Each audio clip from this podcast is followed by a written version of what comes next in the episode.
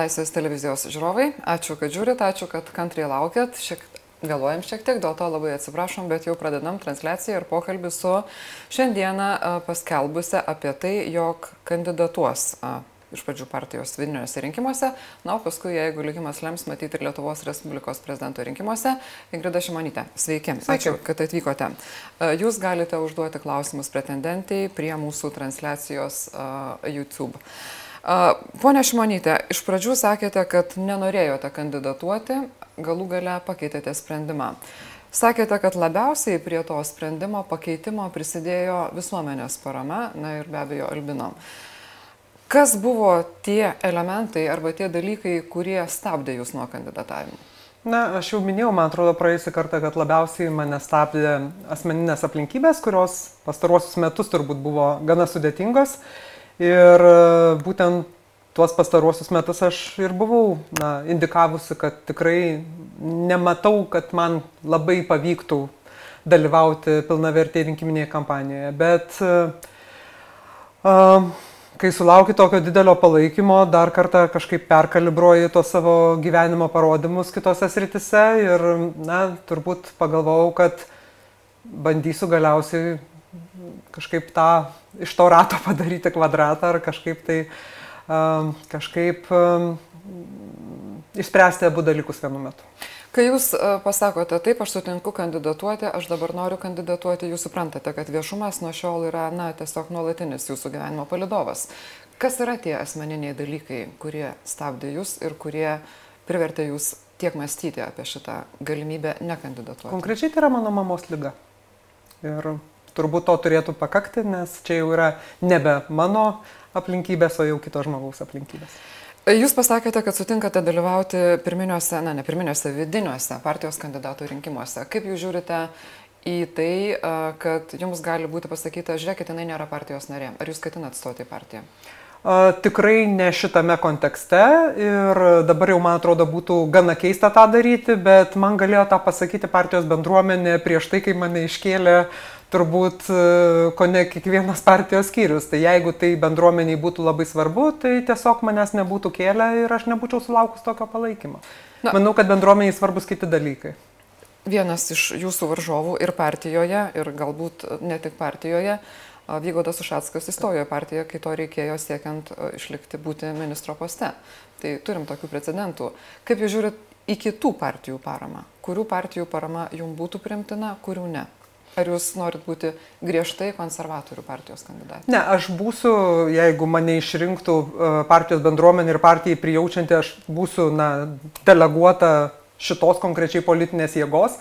Kitos politinės jėgos, jeigu jos norėtų dėl kažkokių aplinkybių man išreikšti savo paramą, na, turbūt būtų įdomu sužinoti motyvus, bet e, negaliu pasakyti, kad bet, bet kokios politinės jėgos parama man būtų uh, priimtina. Šiandien jūs kalbėjote, kad vienas iš tų dalykų, kurie vėlgi skatina jūs kandidatuoti, tai yra tai, ką jūs matot darant su konstitucija, pažodžiu nepacituosiu, bet mintis buvo, na, konstitucijos apsauga. Ir mūsų žiūrovas rytis ką klausia, kaip jūs ketinate koncentruotis į tą konstitucijos apsaugą ir ką darytumėte? Aš manau, kad prezidentas turi gana, gana nemažai svertų. Tiek įstatymų vetavimas, tiek galiausiai bandymas diskutuoti ar nesakau, kad susodinti už vieno stalo bandymas diskutuoti su politinėmis jėgomis, kurios tuo metu veikia politinėme lauke, apie dalykus, kurie vyksta ir tų, tų priemonių tikrai prezidentas savo arsenale turi kreipimais į konstitucinį teismą ir iniciatyvą įstatymų, um, visą plokštę dalykų. Kas yra jūsų komanda arba jūsų rinkimų štabas, nes tai irgi yra neatsiejama prezidentinės kampanijos dalis. Taip, tai ehm, kadangi tai nėra na, ilgą laiką brandintas sprendimas ir tiesiog šiandien įgarsintas, o tai yra sprendimas, kuris subrendo turbūt paskutiniu metu, tai matyt niekas ant manęs labai nepyks, kad didelio štabo aš neturiu. Dabar kol kas turiu keli žmonės, kurie man padės e, būtent pirminiuose partijos rinkimuose, o tuomet, jeigu jau atsitiktų taip, kad e, pirminiuose partijos rinkimuose partija ir jai prijaučianti žmonės pasirinktų mane, tuomet mes kalbėtumėm apie nacionalinių rinkimų štabą. Ar tie žmonės yra konservatorių partijos nariai, kurie dirbs su jumis pirminiuose partijos rinkimuose? Taip. Kokie apskritai jūsų manimų yra prezidento, jeigu laimėtumėte, o jeigu einate rinkimus, tai natūralu, kad turit tikėtis laimėti, nebent yra priešingai, kokie yra prezidento veiklos prioritetai kitų metų, na, vasarą, sakykime, kai tektų pradėti. Na vėlgi, e, man atrodo, kad tie, tie trys dalykai, kurie man pačiai um, susidėliojo svarstant ir bandant paaiškinti tuos savo motyvus, tai yra pirmas dalykas yra būtent ta demokratijos erozija, kurią mes matom ir ką mes galime padaryti, ką gali padaryti prezidentas, kad tą demokratijos eroziją sustabdyti arba kažkaip pakeisti, pakeisti tą draudimų, ribojimų, bandymo diktuoti mažumai diktatūros formą, na, kultūrą, nesakysiu žodžio kultūrą, bet praktiką galbūt, kuri dabar bando, bando klostytis. Kitas dalykas, kuris man yra labai svarbus ir kuris gal uh, kažkaip rezonuoja su kitų kandidatų kalba apie gerovės Lietuvą, laimėjimo Lietuvą ir, ir, ir, ir panašius klausimus, tai yra tai, kas man na, jau ilgą laiką rūpi, tai kad mes baigtumėm galiausiai diskutuoti apie kaip, kaip mes galime suderinti mažus mokesčius ir orius dosnius įsipareigojimus, o vis dėlto apie ką mes esame kaip valstybė, kaip valstiečių bendrabuvis, ne kaip teritorija, ne kaip Lietuvos Respublika, o kaip valstiečių bendrabuvis. Tai yra, kas yra tie mūsų bendri reikalai ir kas yra uh, kiekvieno šeimos ar kiekvieno žmogaus asmeniniai reikalai. Nes akivaizdu, kad šita diskusija, jos nebuvimas, tiksliau sakant, jau kažkuria prasme mus privedė prie klavėtės, kai mes 30 metų mažinam, mažinam, mažinam, mažinam mokesčius ir žadam visiems orų išganimą puikų švietimą, nuostabę sveikatos apsaugą, ores pensijas ir dar, dar dieva žino ką. Taip dalykai nesidaro, taip negalima su žmonėmis kalbėti, mano nuomonė, reikia grįžti vis dėlto prie pradžios, pradėti kalbėti, rimtai kalbėti, ką galėjom daryti jau šiais metais, tiesą sakant, bet valdančioji dauguma ne, nematė reikalo skirti tam laiko, bet galbūt galima prie tos diskusijos vis tiek grįžti. Na ir trečias dalykas, jau tai, kas yra konstitucinė valstybės vadovo funkcija susijusi su užsienio politika ir bendriau valstybės saugumu. Tai čia mano nuomonė yra tas rytis, kur kaip tik jokios kitokios politikos Lietuvai nereikia. Negu kad dabartinė. Negu kad dabartinė, todėl kad mes esame geopolitiškai, mes esame ten, kur esame, mes niekur kitur nebūsime. Ir e, turbūt dalykas, kurį mes turime stengtis daryti, tai turėtų kuo daugiau vakarų Lietuvoje. Kaip? Ir Įvairiais būdais, per investicijas, per, per partnerių pajėgumus, per ryšių stiprinimą, sakykime, ekonominių ir kitų su, va, su vakarais. Ir tada galbūt tai, ką Rasa Juknevičinė sako, pamirškim tą Rusiją savo vienam iš nesenų, iš nesenų straipsnių, kas man irgi atrodo labai, labai artima, kad Kariuomenė, žvalgyba, institucijos turi dirbti savo darbą, mes turim užtikrinti pakankamus pajėgumus, bet mes turime vis dėlto aiškiai matyti, kur mūsų kryptis ir tą, kryptimį žygiuoti. O žiūrėti Rusijos prezidentui, Rusijos žmonėms į akis ketinat ar ne ir perkrauti santykius su Rusija, kaip žada kai kurie kiti kandidatai. Na, matot, draug, visi normalų žmonės nori draugauti bet e, turbūt negali draugauti be sąlygų. Taip, šiomis aplinkybėmis, ką aš matau dabar, tai turi, du dalykai gali įvykti, kad ta draugystė įvyktų, būtų kažkokia, kažkokia tikroviška. Tai reiškia, arba Rusija staiga turi pakeisti savo modus operandi ir kalbėdama Rusiją, aš turiu minti Kremlių, žinoma, ne ten kokį nors paprastą Rusijos žmogų iš Voronežo, bet būtent valdžią ir, ir, ir tai, kas yra, tai, kas yra Rusijos prezidentas, vyriausybė ir kas ten dar ma marionetė kabutėse yra, tai uh, jeigu pas, pakistų santykiai su kaimynais toje pusėje, ta prasme naratyvas, uh, ne, nežiūrėjimas į kaimynus kaip į kažkokią interesų zoną, į kurią galima ir leteną savo įkišti fiziškai, uh, Tai turbūt, kad galima būtų kalbėti apie įvairius dalykus. Kita sąlyga būtų, ta prasme, kitos aplinkybės būtų, kad mes atsisakytumėm dalies savo laisvės dėl kažkokių ten iliuzinių, geresnių ekonominių santykių, pigesnių dujų ar dar kažkokių dalykų. Tai nei vienas iš šitų dviejų dalykų man netrodo realus. Pirmas atrodytų pageidautinas, bet nemanau, kad mes labai galime to tikėtis. Na, Andris Tirevičius rašo, kad balsuotų, jeigu būtų garantuotas, kad Albinas taps jūsų patarėju, o Almantas Žekonis klausia, kokios trys valstybės būtų aplankytos pirmos jums tapus prezidentą. Na, čia tas klausimas labai dažnai kyla, manau, kad uh, tikrai reikia pagalvoti, dar iki tokio sprendimo yra gana toli, bet aš matyčiau um, kaip svarbius santykius, uh, kaip tokias na, svarbės uh, svarbia šalis, galbūt Vokietija, Lenkija ir Baltijos šalis be jokios abejonės. Karolis Grunovas klausia, kaip planuojate rasti bendrą pokalbį su valdančiaja dauguma ir suvienyti, kaip jis sako, vaikų darželį dirbti Lietuvos labui? Na, vienas, matote tai kaip uždavinį? Vienas žmogus turbūt e, negali surinkti Grygo bičių į kažkokią vieną krūvą ir priversti jas toje krūvoje būti, bet turbūt galima diskutuoti su žmonėmis, kurie nori klausyti ir toj pačioj valdančioje daugumoje galima atrasti žmonių, kurie uh, na, klauso kartais net ir Seime, ką, ką kalbi, tai turbūt klausytų ir kitais formatais, ir rinkiminės kampanijos metu, ir galbūt netgi galim diskusijų, debatų metu išsigryninti dalykus, kuriuos matom panašiai. Besigryninant tos dalykus, tikėtina, jūs sulauktumėte iš dabartinės, jau sulaukėte iš dabartinės valdančiosios daugumos kritikos dėl paskolos iš Tartutinio valiutos fondo Lietuvai išgyvenant, bandant išgyventi krizę. Mhm. Kaip ketintumėte išaiškinti savo poziciją, nes na, tuomet ir aš buvau tarptų kritikų, kurie sakė, ar tikrai to reikia, ar Lietuva negali skolintis pigiau. Na, tiesą sakant, šitas motyvas yra teikiamas tada, kada Lietuva yra bandoma palyginti su Latvija, nors aplinkybės buvo visiškai priešingos. Aplinkybėmis, kuriomis Latvija pasiskolino iš Tartautinio valiutos fondo 2008 m. rudenį, buvo didelis žlugęs bankas, kuriam tiesiog pertvarkyti labai greitai reikėjo labai didelės sumos pinigų. Jeigu Lietuvoje 2008 metais rudenį būtų žlugęs bankas, Patikėkit manim, Lietuva nebūtų turėjus taip kaip ir Latvija, neturėjo jokio kito pasirinkimo, kaip tik tai kreiptis į Tartautinį valiutos fondą. Tiesiog mūsų aplinkybės buvo kitokios, net tų pačių Tartautinio valiutos fondo ekspertų vertinimų 2008 metų pabaigoje. Visa ta informacija yra vieša, ją galima pamatyti. Niekas nesitikėjo tokio ekonomikos nuosmukio, kokį mes galiausiai patyrėm ir tokio didelio finansavimo poreikio, koks galiausiai buvo. Na, bet Stasio Jekeliūno kaip pagrindinio tyrėjo tas argumentas neveikia. Tai ar jums kaip jūs įsivaizduojate, ar jums pavyktų suderinti tą bendrą matymą vardan valstybės, na, kaip jūs sakėte, bandyti suvienyti, kas, na, iš tikrųjų visi nori draugauti, nesipikti ir visą kitą. Bet ar matot prielaidų užtektinai, kad, tarkim, bent su Stasiu Jekeliūnu pavyktų dėl to susitarti? Na, e, turiu pasakyti, kad yra ne vienas dalykas, kurį mes kaip tik su ponu Stasiu Jekeliūnu, ypatingai tam viešo gyvenimo ar to visuomenės sutarimo, to Lietuvos kontrakto turbūt formate galėtumėm matyti panašiai, bet šiuo atveju, jeigu žmogaus iš ankstinis nusiteikimas yra pasakyti, kad kažkas yra kaltas dėl krizės ar dėl krizės valdymo ar dėl kitų dalykų, tai ką aš galiu ponui Jekeliūnui padaryti? Turim dar vieną klausimą, ne vieną turim daug, tik ne visus spėsime atsakyti, tai dėl to iš anksto atsiprašau. Klausimas yra, ar nemanot, kad esat per daug panašia kandidatė į Gitaną Nausėdą ir kad rink, pasidalinus rinkėjų balsus, jų neužteks patekti į antrąjį turą?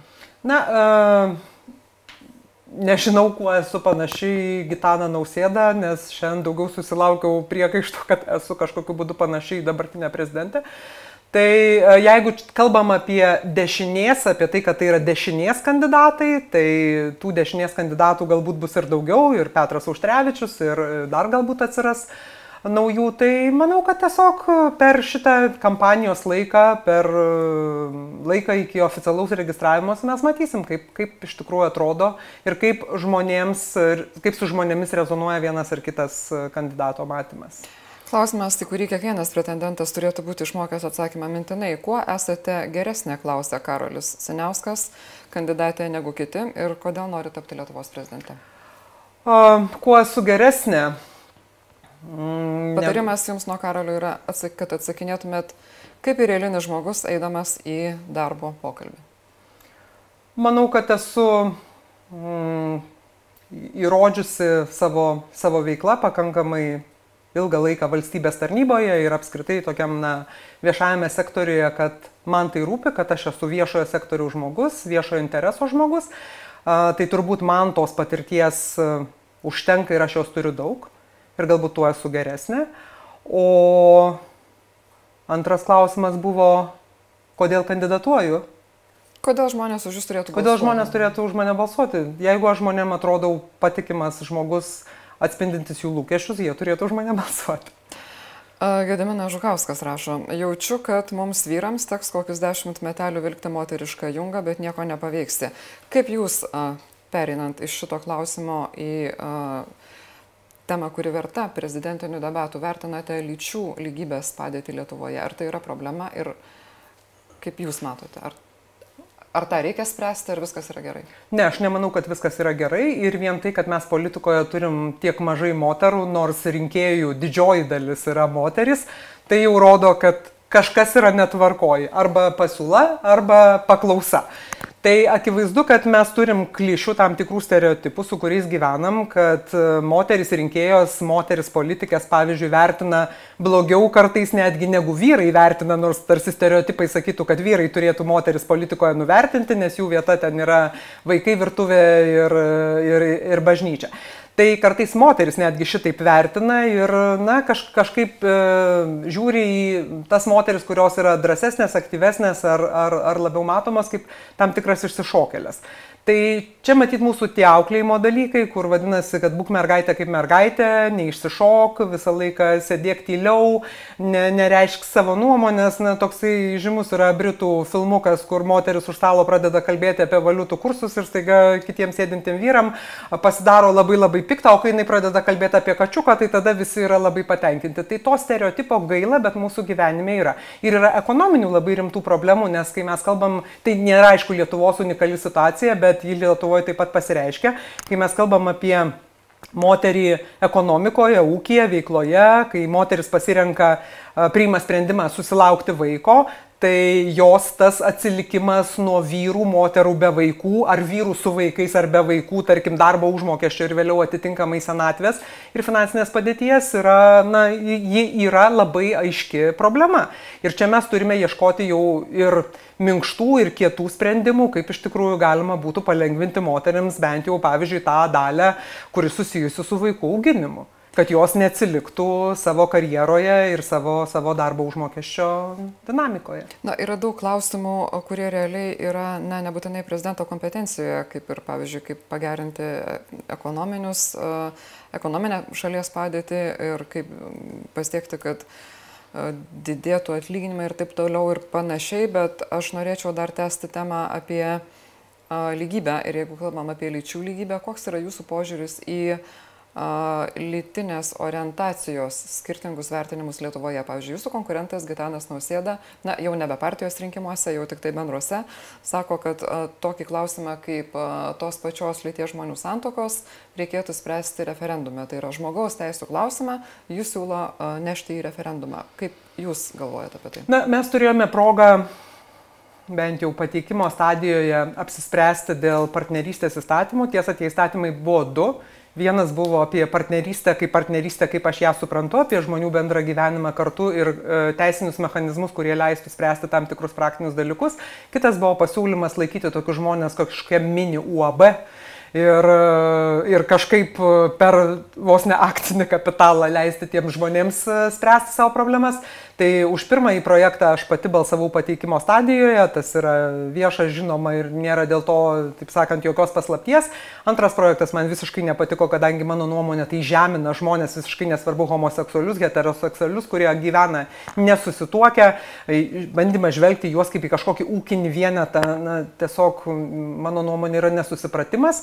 Tai aš sakyčiau, kad tai yra klausimas, kurį turi spręsti politikai parlamente. Ir jie turi tiesiog parodyti lyderystę, kad geba bent jau diskutuoti apie tai. Tai dabar kol kas mes turime situaciją, kada diskusija neįvyko, bet aš tikrai nemanau, kad e, tokius klausimus reikia spręsti referendume. Manau, kad rinkti politikai turi tiesiog parodyti savo lyderystę ir apie tai diskutuoti. O kokią jūs parodytumėt lyderystę, jeigu išrinktų prezidentą? Konkrečiai šiuo klausimu, na, aš manau, kad tai galėtų būti vienas iš klausimų, kurį aš tikrai nuoširdžiai siūlyčiau uh, parlamentui svarstyti. Aš nemanau, kad tai yra nelaikas, jau nelaikas, dar nelaikas, kaip ten visai kaip nelaikas. Manau, kad tikrai yra geras laikas ir galima tikrai apie tai diskutuoti ir būtina apie tai diskutuoti parlamente. Simonas Valkūnas klausia, kokį įsivaizduojate geriausią ir blogiausią scenarijų Lietuvai po penkerių prezidentavimo metų?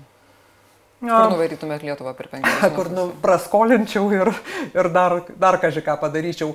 Tikrai manau, kad geriausias scenarius būtų, jeigu vis dėlto mums pavyktų susitarti dėl tų fundamentalių, mano nuomonė, dalykų, nes šitie klausimai, kuriuos e, minėjote apie ekonominę patirtį, apie atlyginimus ir taip toliau, na, atrodo, ekonomika auga, ten kažkokie sukrėtimai ar pajudinimai galėtų kažkokios įtakos turėti, bet jau tikrai ne 2008 metai, ne, ne, ne, ne, ne krizė ir ne kokios nors ten naktinės reformos, bet bėdos, kurios yra, yra ilgalaikės. Ir jeigu vis dėlto dėl tų ilgalaikių bėdų sprendimo, tai yra dėl švietimo, dėl sveikatos apsaugos, dėl socialinės apsaugos, na, tokios aiškios labai krypties, va, to socialinio kontrakto, mums pavyktų susitarti, aš sakyčiau, kad tai jau būtų labai didelis dalykas, nes mes vieną kartą pabaigtumėm vaikytis chimerą, kuri neegzistuoja. Man tas chimeros vaikymasis, na, jis mane labai liūdina. Aš suprantu, kad dalis žmonių visą gyvenimą galvos, kad užtenka sumažinti Seimo narių skaičių 40 ir bus galima padidinti pensijas dvigubai. Tai jau čia, na, jau tiesiog neinformuotumo problema, bet vis dėlto tokios, na, to, to, to, tokio matymo tų ilgalaikių problemų, kur jos iš tikrųjų yra, kad ne, ne, ne tame problema čia daugiau šiais metais investavo ar mažiau, problema yra, kas mokys mūsų vaikus, kas mus gydys, kaip mes turėsime išsilavinusią, kūrybingą, socialiai sanglaudžią visuomenę, kuri, kuri, gali kurti, kuri gali kurti valstybę. Tai čia matyčiau gerai taip sakant, gerai rezultatą, na, o blogasis rezultatas, žinoma, visada gali būti toksai, kad tu kalbėsi su savim ir kai tu kalbėsi su savim, tai tada iš to pokalbio su savim tik tai toks rezultatas ir yra.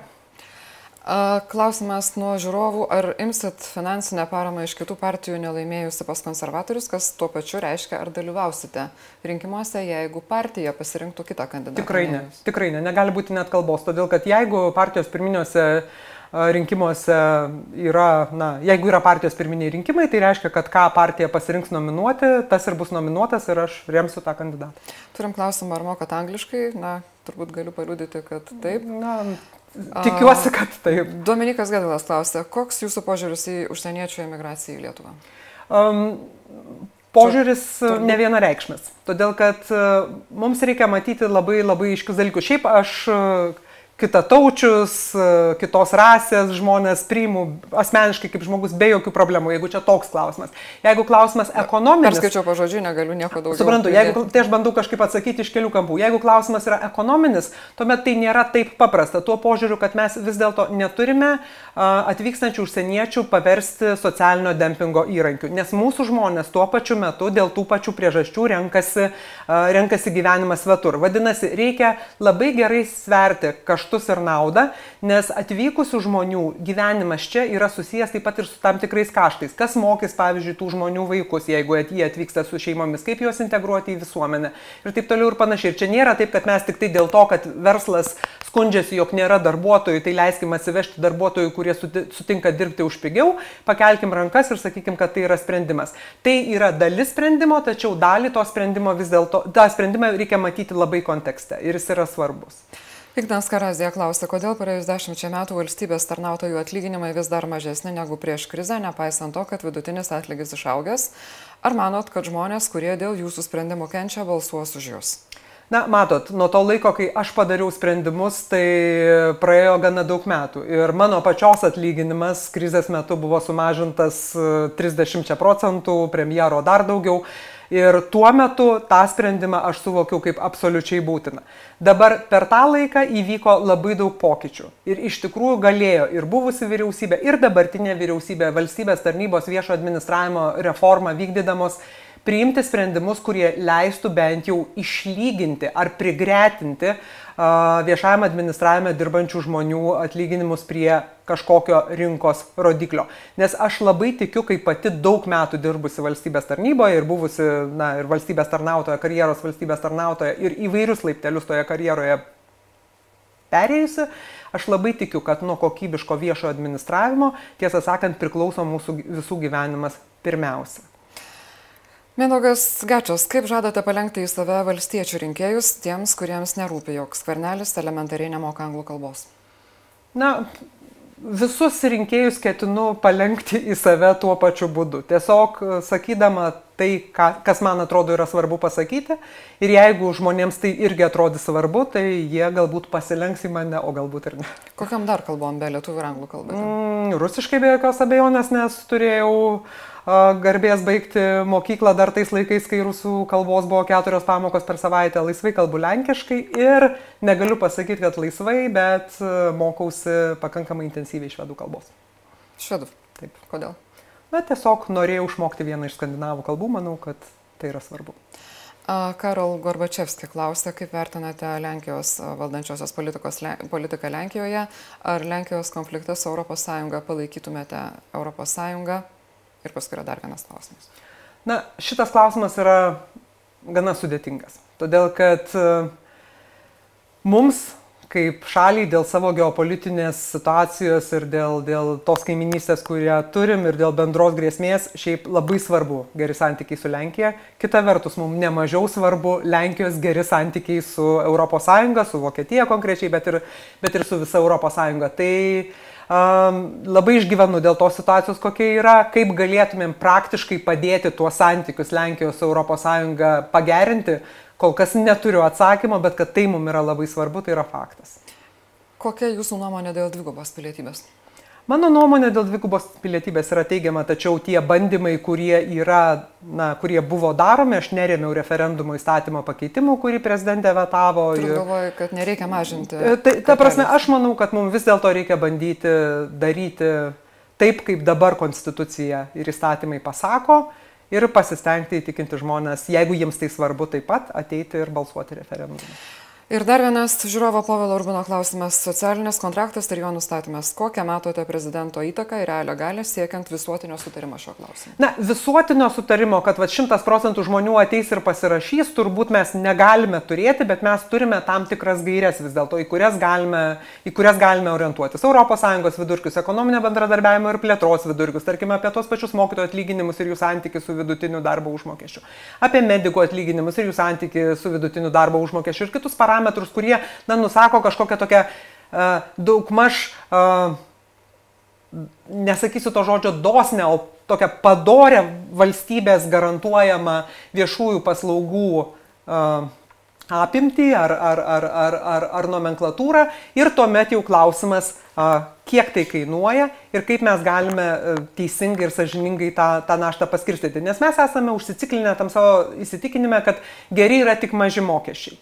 Tai galbūt jeigu visuomenė tikrai sutinka su tuo, kas ateina su mažais mokesčiais. Tai yra privatus sveikatos draudimas, privatus aukštasis mokslas ir daugybė kitų dalykų. Bet niekasgi su žmonėm apie tai nekalba. Visą laiką vis žadama yra uh, čia kuo mažiau, ten kuo daugiau ir taip mes tame toje šizofrenijoje daugybę metų ir tarpstam. Tai manau, kad mums reikia vis dėlto grįžti prie kažkokių orientyrų, tų orientyrų tikrai yra ir nuo jų bandyti tą konsensusą klyjuoti, bet kad jis bus tinkamas visiems, niekada taip nebus. Nes kuo konsensusas labiau į kairę, tuo jis labiau netiktų žmonėm, kurie, tarkim, yra libertarinių pažiūrų ir priešingai, bet mes bent jau turim sažiningai apie tai kalbėti. Na, kaip tik su mokesčiai susiję, neišvengiamai susiję du klausimai. Dominiko Gedvilo dar vienas, ar siekstumėt didesnio gynybos finansavimo ir Indrės Babonytės, kokius pokyčius norėtumėte matyti švietimo sistemoje ir kokio indėlio iš jūsų galima tikėti šiuo klausimu? Na, aš manau, kad ir švietimo, ir sveikatos, ir, ir kitose sistemose mes turime uh, siekti to paties dalyko. Mes turime būti uh, na, panašus į kažkokį mums tinkamą orientyrą. Tai mano nuomonė vidurkiai ekonominio bendradarbiavimo plėtros organizacijos, kurie sako, kad medikas šalyje turi uždirbti štai tiek, pagal šalies vidurkį mokytojas štai tiek, jau yra pakankamai, ne, turi turėti va tiek mokinių maždaug klasėje, tiek turi turėti kontaktinių valandų, tiek šeimos gydytojas turi turėti prisirašusių žmonių, kad tai būtų, na, krūviai, kurie, yra, kurie taip pat yra suprantami ir, ir į ką mes tada, į ką mes tada iš, išgravituojam kaip, kaip, kaip, kaip tą susitarimą, jeigu mes manom, kad tai yra svarbu. Tai, tai nuo to galo turbūt reikėtų pradėti. Dabar apie gynybos finansavimą tas susitarimas, kuris yra pasirašytas ir kuris man teikia vilties, kad vis dėlto galima ir apie kitus dalykus bandyti susitarti, na, mūsų partijos buvo vertintas kaip nepakankamas, reikėtų daugiau ir aš irgi tam pritariu, tikrai reikėtų daugiau, bet dabar mes turime bent jau tokį susitarimą, pagal kurį galima artimiausių laikotarpių savo prioritetus konstruoti. O toliau vis tiekgi laikas nesibaigia tuo susitarimu ir jeigu sįki pavyko susitarti, tai labai norėčiau tikėti, kad pavyks susitarti ir toliau. Ar skirsite vyriausiojų patarėjų Albiną? Taip, Albinas bus vyriausias patarėjas visais gyvenimo klausimais. Ačiū Jums už Ačiū Jūsų laiką ir primenu, kad žiūrėjom pirmąjį interviu su Ingrida Šimonytė, kuri šiandieną paskelbė savo sprendimą ir norą dalyvauti Lietuvos Respublikos prezidento rinkimuose iš pradžių konservatorių partijos, o paskui kaip konservatoriai ir jų rėmėjai duos. Ačiū ir žinoma, ačiū tiem, kas leidžia mums kurti šitas laidas. Iki.